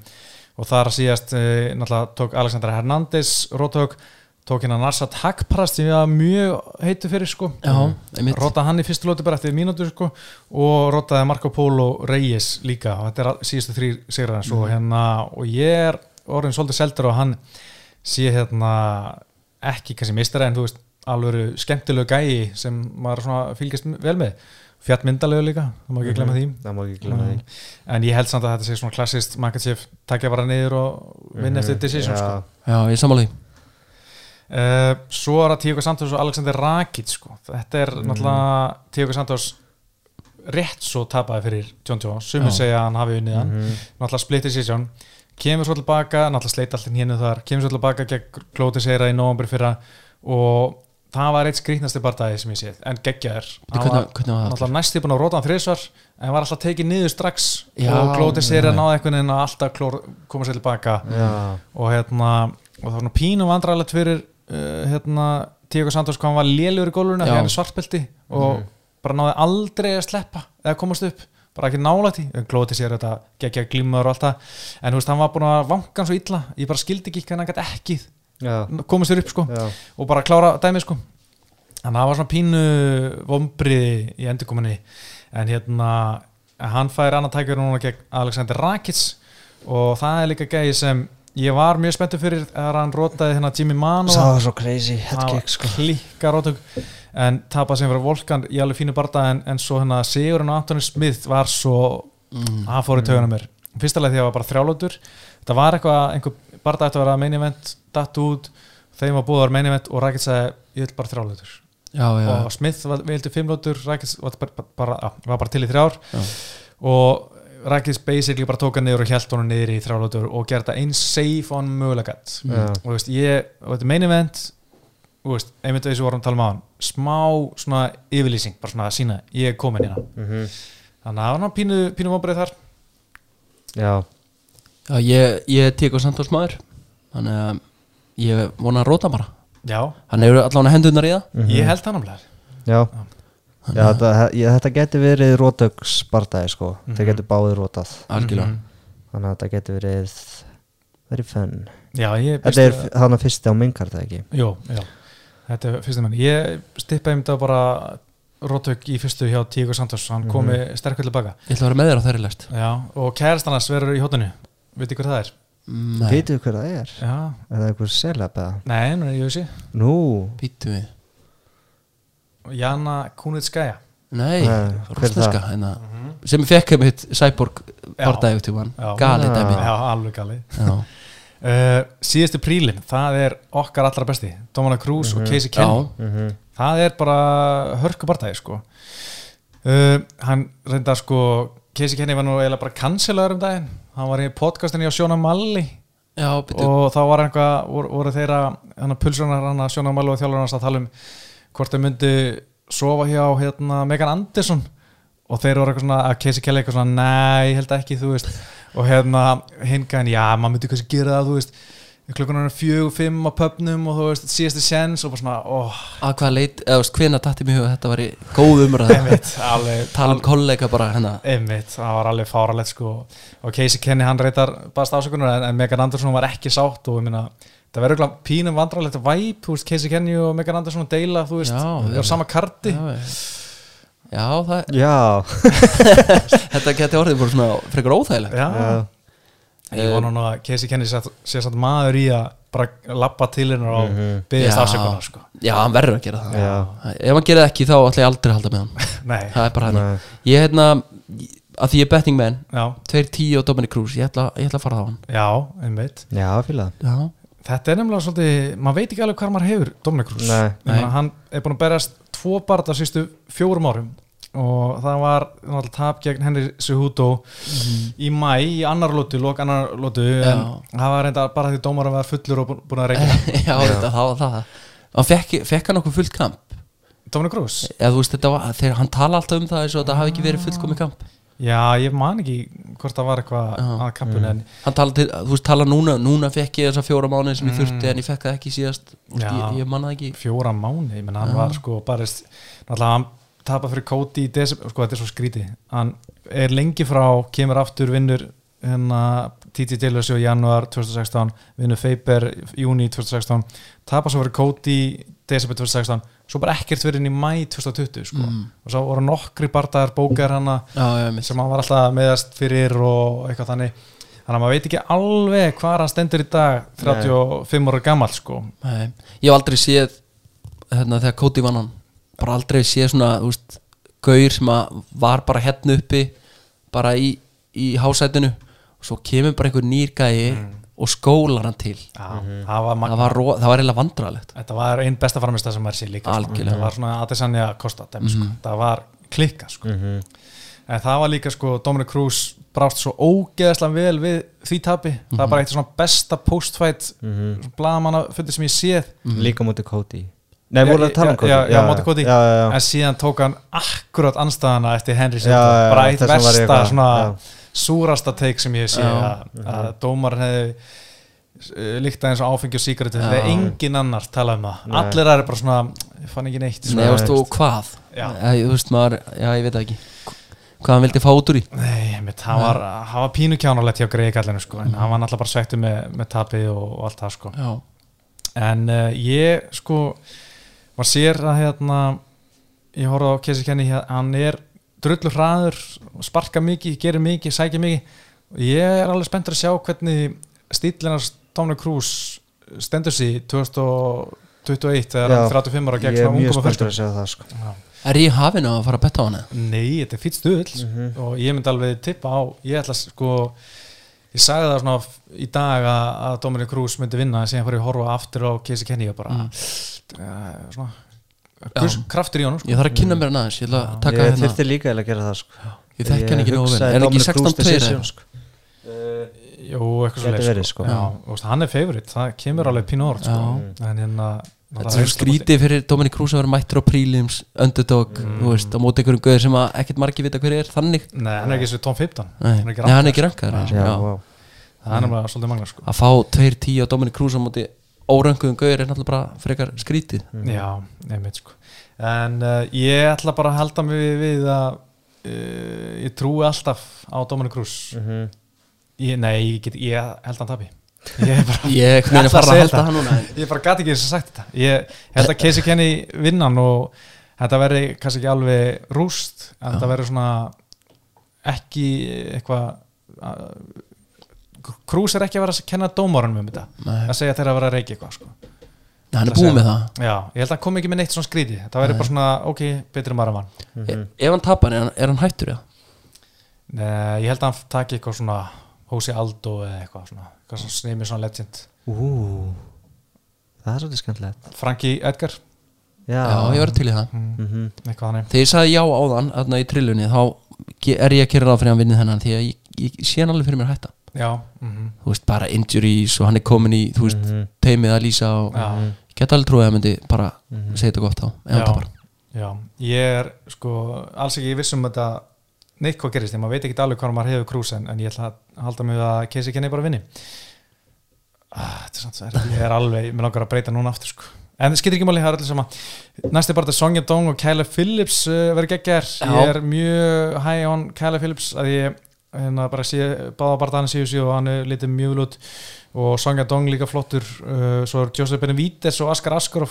Ég held að það sé að fara enda illa fyrir Benavides. Já. ég held að hann sé búinn. Allavega hann er löngu búinn. Uh, svo er hann að Kækara Frans og Roger Bondorin uh, það er fínasti barndað flæfut, ég veit ekki alveg með það. En sko, svo koma Fight Pass prílins Mhm. og erum að tala um hvorki meira en meira en minna en sex barndað þar. Já, þetta eru sko, þetta eru 15 barndað sem eru á löðan Hvernig byrjar þetta? Fyrsta fætt? bara góð spurning sko þetta ekki að lýsa Tíu þessu? Jú, meinkart er þrjú sko þannig ah, Hvað er ekki tvö allavega að Já, já. það. Maður vakir fyrir svona já, Björki Ég er að fara að vaka sko. Ég er búin að vera í afingu, ég byrjaði manager aftur já, Ég spila, klukkan var orðin 5 Hérna á aðfaran á þriðudags já. Þegar ég bara, herri, nú verði ég að fræta þetta er mest ávanabitað Alveg, ég átti ekki tölvu sem rönnaðan Þannig að Já. þegar ég náði mér í hana um daginn Þá, þá var ég bara einhvern veginn að Þú veist, vinna upp það sem ég var búin að Já. missa sko. Ég er sko elskanarleik meir en allt Já, en ég hætti að spila hann þegar ég ákvað að opna Emma Frettis því ég Já. vissi að ég mun aldrei þú getur ekki sint síðan nei, ég mun bara aldrei skrifa frétt ef ég veit að ég geti verið að spila fútbolmann sko. Og ég er líka hugsa oft svona, ef ég lendi eitthvað svona alvarlegum veikinum það er að vera rúmfastur á spítala. Já, fæ ég mig bara góða tölur að spila fútbolmann Alveg og bara. ég, ég þurfi ekki segja heimsækjum ég er bara fínt sko. já, bara ringja SMS bara, sko. En svo, ég hérna bara kom inn á Sonja Dong Ég, hérna, ég er harður honum. Já, Ég, hérna, ég ætla á hann. Já, ég var mikil dúhú tjóimaður Já. ég er að reppa þá að hann í austurinu þú ert svolítið fyrir það? Já, Já, en dúhú tjói brást mér harkalega. Já ég gerði til það miður. Kóreski, kóreski undrabarna hennar. Já. uh, Fyrst í barndagi byrja 11 11? Já, það er fínt maður. Þetta verður er þetta bara 11 til 7 eða eitthvað? Já, erum við að tala um það? já. Þetta verður að- Þetta er fjárfesting á tíma. Já, já bara úr sunnudaginn bara ónýtur. Já, já, en maður tekur þetta. Já. Eh, Það er fullt, fullt að góðum barndamanna uh, Sean Brady og Jake Matthews. Jake. Matthews, ástralina sem er búin að vera ungar efnulegur ógsta lengi, er búin að vera í jösi í einhver sjö ár. Mhm. uh, hérna, Sean Brady 3-0 menn eru að á heim já, ekki svo á honum. Ég, ég held að hann vinni. Ég er alveg pínu, alveg mjög spenntið fyrir þeim bara það. Uh, Svo er ímislegt merkilegt þannig En hérna, ég held að við sem bara að renna út á tíma. Já, Og við erum búin að vera hérna í akkurat 90 minnir núna. En við viljum að segja þetta gott. Eitthvað er lokin, eitthvað frétti sem við viljið fara yfir? Mm, nei, já það nei. Við fórum yfir Jake Paul hotnið aðan Já, já, já. Jake Paul hotni Já. ég hef alltaf, ég hlust alltaf sko. Alltaf gaman að þið renni í það. Já, samt hata ég hann, ég veit ekki alveg af hverju ég Ég er gaman að líka og ég er alltaf settur í þetta að ég sé með það hort en þú ert svo ungur, þú ert Mm. YouTube kynnslaðin sko. Já. segja það. Já. ég vil bara taka fyrir mig, þetta var, ég var hrættur sko. Já, ég veit ekki henni það þetta var alltaf leið bara já, ekki? jú, mér líður vel núna. Já. Já, það ekki. Já, þú stóðst þig bara mjög vel. Takk fyrir það. Ég er bara mjög ánægð með þetta og Bjarki, þú stóðst þig líka mjög vel. Takk fyrir. Og við ætlum að fara að taka þetta, eh, segja þetta gott í dag, takk fyrir árdan í dag og verið sæl